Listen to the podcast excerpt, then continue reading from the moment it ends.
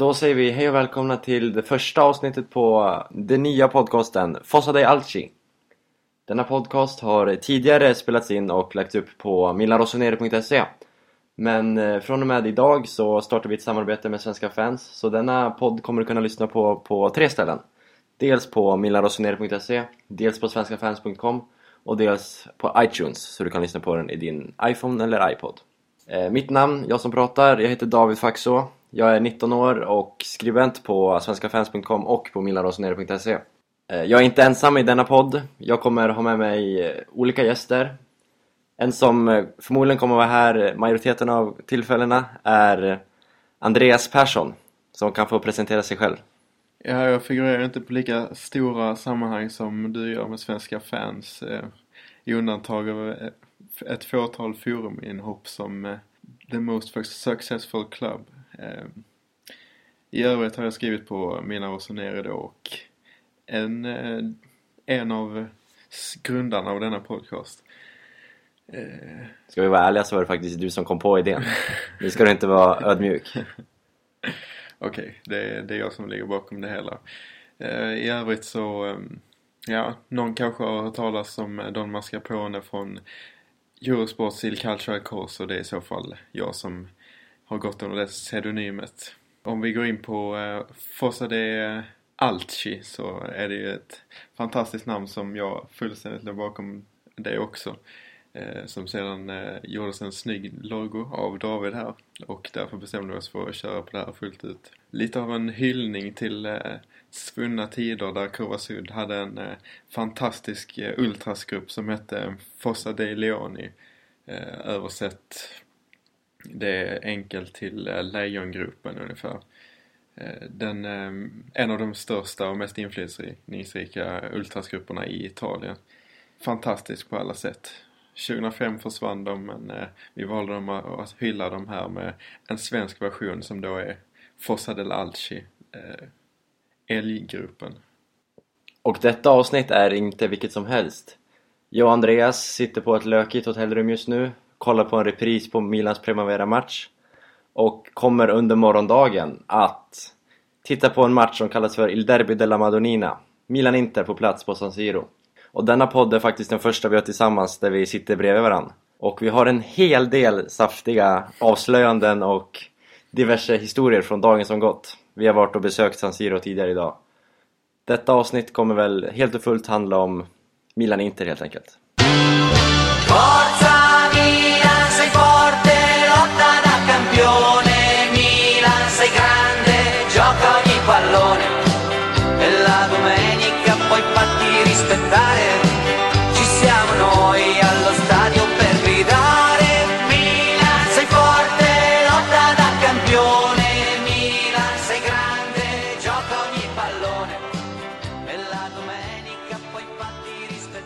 Som jag nämnde tidigare så sitter vi båda på ett hotellrum just nu och tittar på Sport Italia på TVn. Pato skriver precis in sitt andra frisparksmål för dagen. Eh, det, matchen med Primavera går på repris just nu och för er som eh, gillar Konstant eller Acerbi som frisparksskyttar kan eh, gå och lägga er nu för när Pato är tillbaks så sa vi att han ska lägga frisparkarna. Det är klappat och klart. Men det var inte om frisparksskyttar vi skulle prata idag. Det var om våran, eh, ja, våran dag i Milano. Anlände i förmiddags och har under dagen hunnit besökt San Siro. Var där ute och tog tempen ute vid arenan som grävande reportrar. Och det första, mer eller mindre, vi möttes av var att vi mötte, eller mötte, men vi såg Giancarlo Capelli. Il Baroni. För er som inte vet vem det är så är det Curra Syds ledare, helt enkelt. Il Capo Ultra. Eh, och visst, jag måste erkänna att jag blev riktigt starstruck där. Alltså det är få som är större att träffa än honom. Det är han, trots sin... Eh, att han är åldern till kommen, är ledaren som leder alla de här unga 20-åringarna i Kurva Syd. Eh, styr ramsorna, fixar mötena med klubben när det är dags att snacka med dem. Det är han eh, som är Kurva Syd helt enkelt. Men vad gjorde han där, kanske ni undrar? Jo, eh, det var så här. Jag och Andreas var ute vid San Siro för att, förutom att göra en grävande journalistik till denna podd, också gå den guidade turen på San Siro. Eh, Jag skulle gå den för fjärde gången i mitt liv, medan Andreas skulle göra debut. När vi kommer in på arenan och tittar upp mot Kurva Syd så är den fullspäckad med människor. Tifot till morgondagen förbereddes och förmodligen var Mr Capelli ansvarig för det också. Så det var det helt enkelt där de gjorde på arenan. Kurva Syd höll på att lägga ut papperslappar och plastpåsar och diverse föremål i olika färger för att bilda ett tifo till morgondagen. Och vi kan ju avslöja lite detaljer om hur tifot kommer se ut. Små detaljer, men ändå betydelsefulla. Färgerna kommer vi, kan vi avslöja är svart, rött, vitt och grönt. Och förmodligen kommer eh, den italienska flaggan, tricolore, avbildas på, någon, på något sätt med de eh, grönvitröda färgerna. Även eh, någon form av vit triangel tror vi kommer figurera i tifot. Hur det kommer se ut är, det var väldigt svårt att säga, men ja, ni vet vad ni hörde det först. Eh, Kurva Nord å andra sidan såg eh, otroligt ja, tifolös ut kan man säga. Det var ingenting förberett där. Förmodligen eh, kommer det dock, har det kommit upp under dagen förmodligen. Man ska väl akta sig för att säga för mycket där. Jag tycker att det inte har levererat vad det gäller eh, tifon de senaste derbyna. Så Men det senaste derbyt som pricken över i om du frågar mig, med det växlande, ett växlande tifo. Otroligt magnifikt. Ja precis, ett väldigt eh, pampigt tifo. Vi kan ju hålla tummarna för att eh, vår tifo blir eh, något i den stilen. Även om de ställs inför en tuff utmaning i och med eh, att det står en eh, eh ställning, arbet, arbetsställning för ombyggnad mitt i eh, Kurva Syd. Precis som det gör på ett antal andra ställen på arenan. Vilket gör att kapaciteten är något nedsatt till, till eh, morgondagens match. Ungefär 74 500 biljetter, eller max, maxkapaciteten kommer vara 74 500 sägs det. Eh, och biljetterna som finns kvar till salu borde ligga ungefär runt 5-6 tusen om du frågar oss. Eh, 8 tusen sades det i morse. Men vi har ju sett med våra egna ögon hur biljetter säljs utanför arenan och förmodligen på diverse hemsidor och dylikt också. Så frågar du oss på plats i Milano så är det ungefär 5-6 tusen biljetter kvar att köpa under morgondagen. Så förhoppningsvis kan det ju bli maxkapacitet. Det vore ju otroligt roligt fint väder och allting så alla förutsättningar för en eh, fin tillställning.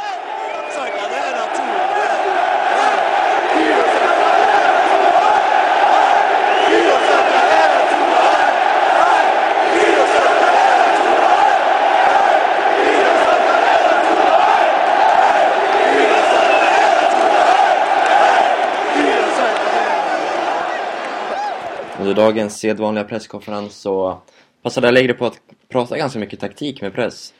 Han nämnde att han har två olika uppställningar han funderar över.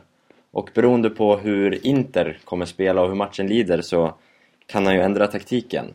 Han nämnde att de hade testat dessa två laguppställningar på, på dagens träning. Ja, han säger något väldigt intressant där att han eh, väljer att anpassa formationen utifrån eh, hur han tror att Inter kommer att ställa upp. Det är ju lite av två olika skolor det där med hur mycket man ska anpassa sig efter motståndarna. Och eh, jag kan ju säga att jag tillhör de som tycker att man ska ha en taktisk flexibilitet där man ska kunna där man ska kunna förändra sig själv hur man spelar utifrån hur man tror att motståndarna kommer att agera.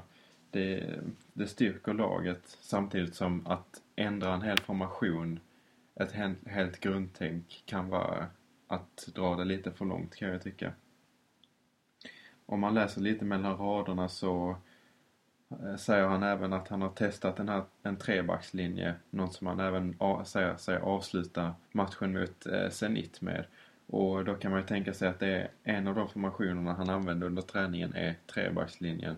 Och då förmodar vi att den andra formationen eh, är eh, 4-2-3-1 eller 4-3-3, de som han använt sig av de senaste matcherna. För att, eh, ja, det hade varit väldigt chockerande om han skulle testa två nya formationer i den här matchen och välja mellan.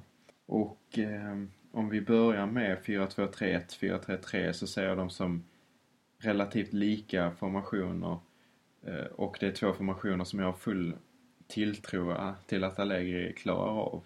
Det, eh, när han eh, gick, tog sin examen på eh, Covaciano som tränare så skrev han ju ett arbete där han fokuserade på eh, mittfältstrean, de tre mittfältarna eh, och deras olika egenskaper. Eh, ska inte dyka in för mycket på det men eh, om en formation har en sån här tre, tre mittfältare så har jag tilltro till att Allegri sätter den formationen. Då tycker jag att eh, den här 4-2-3-1 är den formationen som är bäst anpassad till vårt spelarmaterial just eftersom eh, vi har vår styrka, eh, vår bästa lagdel är de offensiva mittfältarna eller andra anfallarna.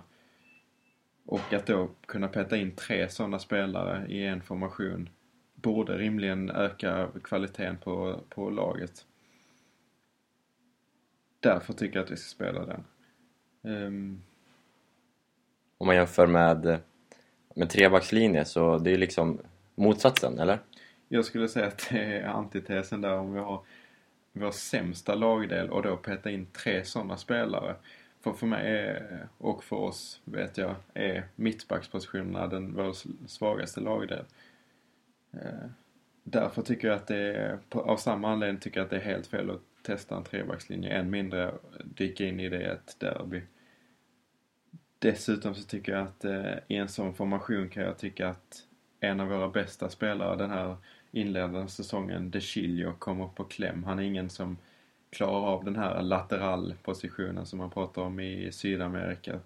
Som är liksom, det är inte en ytter mittfältare och det är inte en ytterback utan det är någon slags mellanting som man brukar använda med trebackslinje.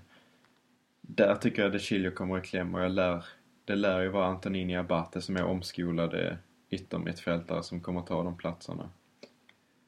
Eh, så därför tror jag på, mer på 4-2-3-1 än eh, än eh, 3-5-2 eller en trebackslinje, vad det nu kommer att bli. Och jag skulle, skulle jag sätta mina pengar så tror jag verkligen att det kommer att bli en 4-2-3-1 vi ser imorgon. Ja, hur det blir imorgon, det är svårt att prata om dagen innan. Men eh, Gazzetta dello Sport brukar ju ha relativt bra koll och vi tänker faktiskt ta en paus nu på den här del 1. Vi återkommer imorgon morgon när vi har fått lite sömn i kroppen, Det har varit en lång hektisk dag. Så vi återkommer imorgon tillsammans med en eh, Gazzetta. Så går vi igenom lite mer namn och sånt under morgondagen. Godnatt! Godnatt.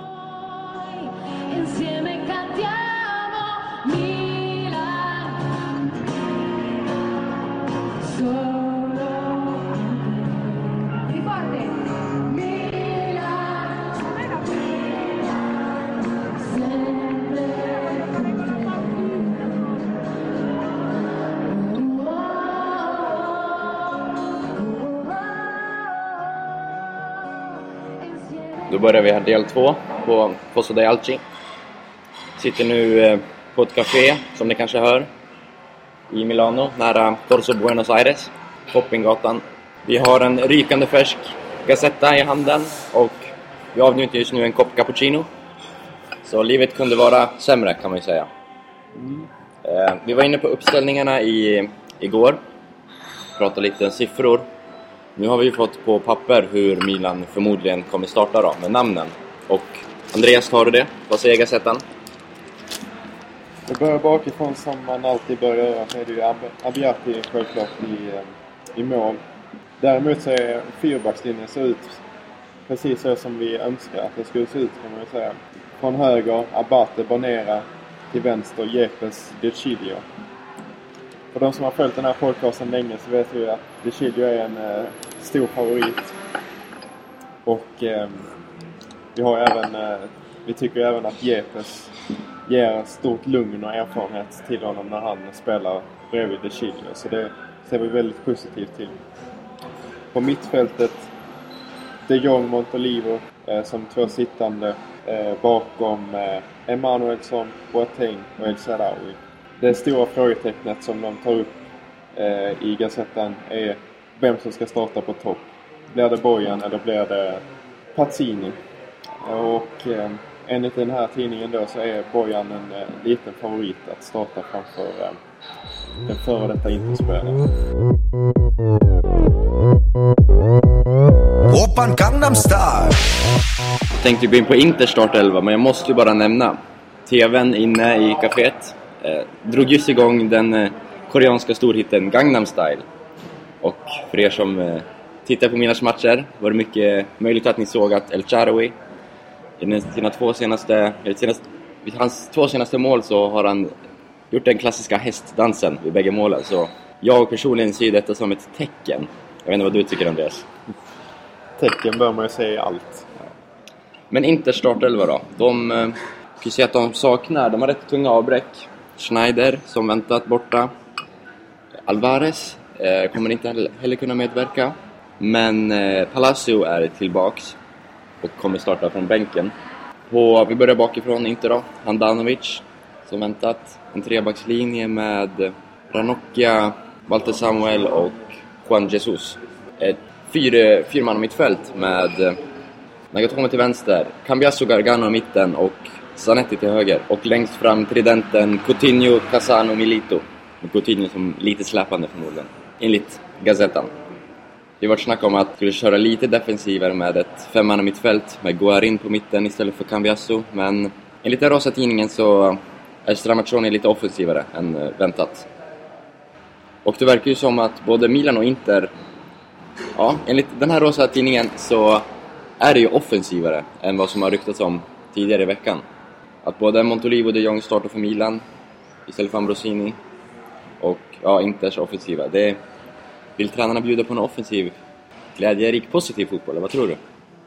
Jag tror främst att Allegri vill eh, köra kontinuerligt på eh, samma sätt som han eh, startade mot Zenit. Eh, med Bojan eh, från start, om det nu blir så, så får han ju ett mycket mer, ett lite mer rörligt eh, och passningsskickligt eh, anfall och eh, lite vassare på, i kontringslägen också.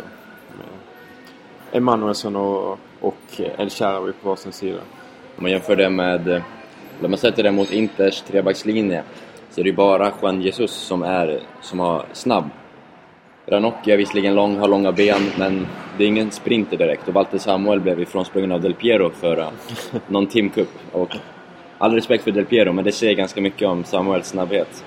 Då förhoppningsvis vill ju Allegri satsa på att springa ifrån Inters backlinje. Och ja, de sittande mittfältarna Gargano, Cambiasso, inga raketer heller. Så Milans offensiva fyra, Boateng har ett bra fart om man får upp farten. Så onekligen intressant detta. Om man kan dra en väldigt enkel analys av det Allegri som vill eh, anpassa sig efter Inter så kan det ju vara just det. Om man tar Samuel så är han ju stark i luftrummet och han är ju positionssäker. Han är ju en, han är en vägg. Utifrån, eh, han har ju ett namn. Han kallas ju inte det för ingenting. Och då kan det ju vara tufft för... Eh, vänta ut polisbilen. Det, då kan det ju vara tufft för eh, Pazzini att få hitta ytor och få skapa målchanser mot den här spelaren. Pazzinis främsta styrkor är ju att ta emot boll, komma i luftrummet. Men möter man sådana som Ranocchia och Walter Samuel där så han kan nästan bli liksom överflödig, onödig. Inte onödig, det blir väl ingen spelare, men han kan ju få riktigt svårt. Och då en sån som Bojan känns som ett intressantare alternativ just nu. Sen blir man ju lite orolig för Bojans hälsa när han ska ställas mot Samuel. Det är ingen...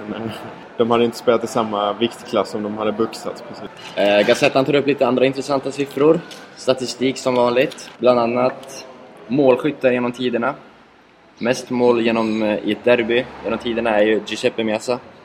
19 mål för Inter mot Milan och ett mål för Milan mot Inter. Spelar ju båda klubbarna. Intressantaste siffran kanske vi finner ändå på både Gunnar Nordahl och Andrei Shevchenko har gjort 14 baljor mot Inter. Det är otroligt stort om du frågar mig. Cheva skulle behövas idag. Hade varit ultimat att ha på topp. Om man tittar på de totala derbysiffrorna så är det i Serie A då. Så eh, det här är ett, en av, kan bli en avgörande match för tillfället då. För Milan står för tillfället på 49 segrar, Inter står på 49 segrar och 58 kryss. 156 derbyn totalt. Så vinnaren idag, om det blir någon sådan, eh, kommer segla upp på 50 och leda ja, den interna statistiken i Serie A på derbystatistiken. Så det är ju ännu en viktig aspekt i det hela. Italienarna gillar ju sin historik. Värt att nämna från eh, Gazettan är ju också att osäkra är ju alltid en kategori. Det är ju eh, startelvan, truppen, avstängda, osäkra och skadade. Och diffidati, eh, osäkra, ursäkta min bristfälliga italienska, är ju i Milan Ambrosini och Bonera. Och Bonera är ju en startman. Eh, reserven där är ju förmodligen Zapata, skulle väl jag gissa på. Även om både Acerbi och Mexes finns tillgängliga. Zapata och Jepes har ju lirat ihop en del. Känner varandra sedan landslaget.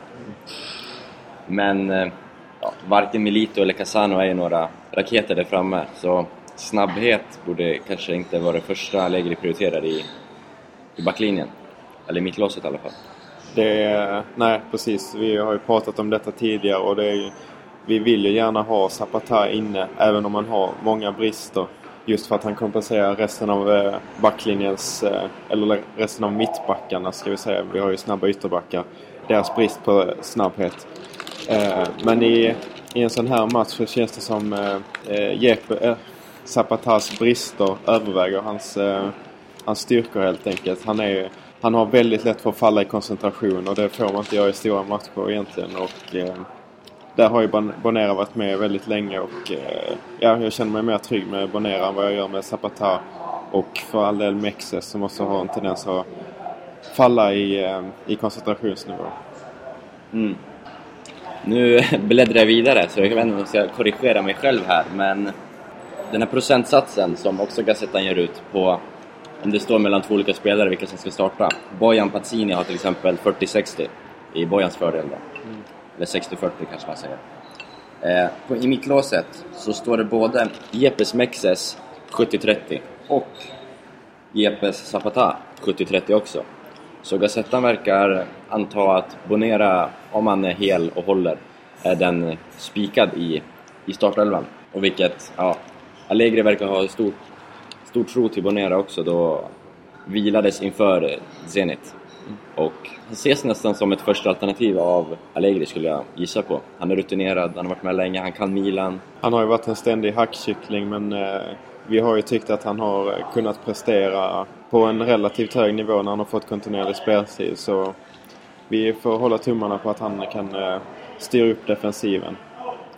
Det ska ju tilläggas att en av Jeppes eh, stora styrkor är hans karaktär. Och, ja, det kan ju behövas i ett sånt här derby. Det, kan, det behövs egentligen alltid. Motivation behöver man kanske inte så mycket av men eh, hans karaktär är ju eh, ständigt önskad i backlinjen. Och som sagt är han ju ledargestalt för, för De Chiglo också, på vänsterflanken.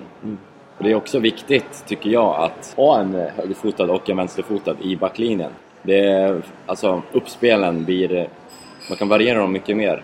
Om man har två högerfotade blir det ofta liknande och det är svårare att rulla mellan, mellan mittbackarna. Vilket det görs en del i Italien, som ni vet. Jag, kan, jag älskar ju fullkomligt De Chilio så jag kan ju tycka att han har ett, redan, eh, trots sin ringa ålder, är, har ett större taktiskt kunnande än vad Antonini har och står mer säkert. Men det känns ändå tryggt att ha Jepes bredvid honom som han gör ändå sitt första derby och så vidare. Så det, Jepes Från, känns från start kanske ska tilläggas. Ja, exakt. De Chiglo hoppade väl in sist. Det begav sig för en skadad Antonini. Ja, då fick han och för sig rätt mycket speltid, ska, ju- ska man ju inte glömma. Några andra som gör sitt första derby är jag och Andreas på plats. Vi tänkte väl bege oss ut tidigt, relativt, hämta våra biljetter, känna stämningen, känna pulsen ute vid arenan. Att bara vara där, att bara vara i staden. Liksom det första vi blir frågade när vi kommer in på kaféet är Milanista eller Interista. Har vi Tyvärr- hamnat på fel café kan man ju säga. Mm, tyvärr var det en blåsvart ägare här inne, men vi fick en god kopp kaffe ändå kan man säga. Ja. Men det var väl allt för, för denna podcast, första podcasten med namnet Fossa dei Alci. Ni får gärna lämna en kommentar i kommentarsfältet. Eller ja, feedback i all form uppskattas. Men annars säger vi ciao härifrån Milano. Ciao. E forza Milan. Forza Milan.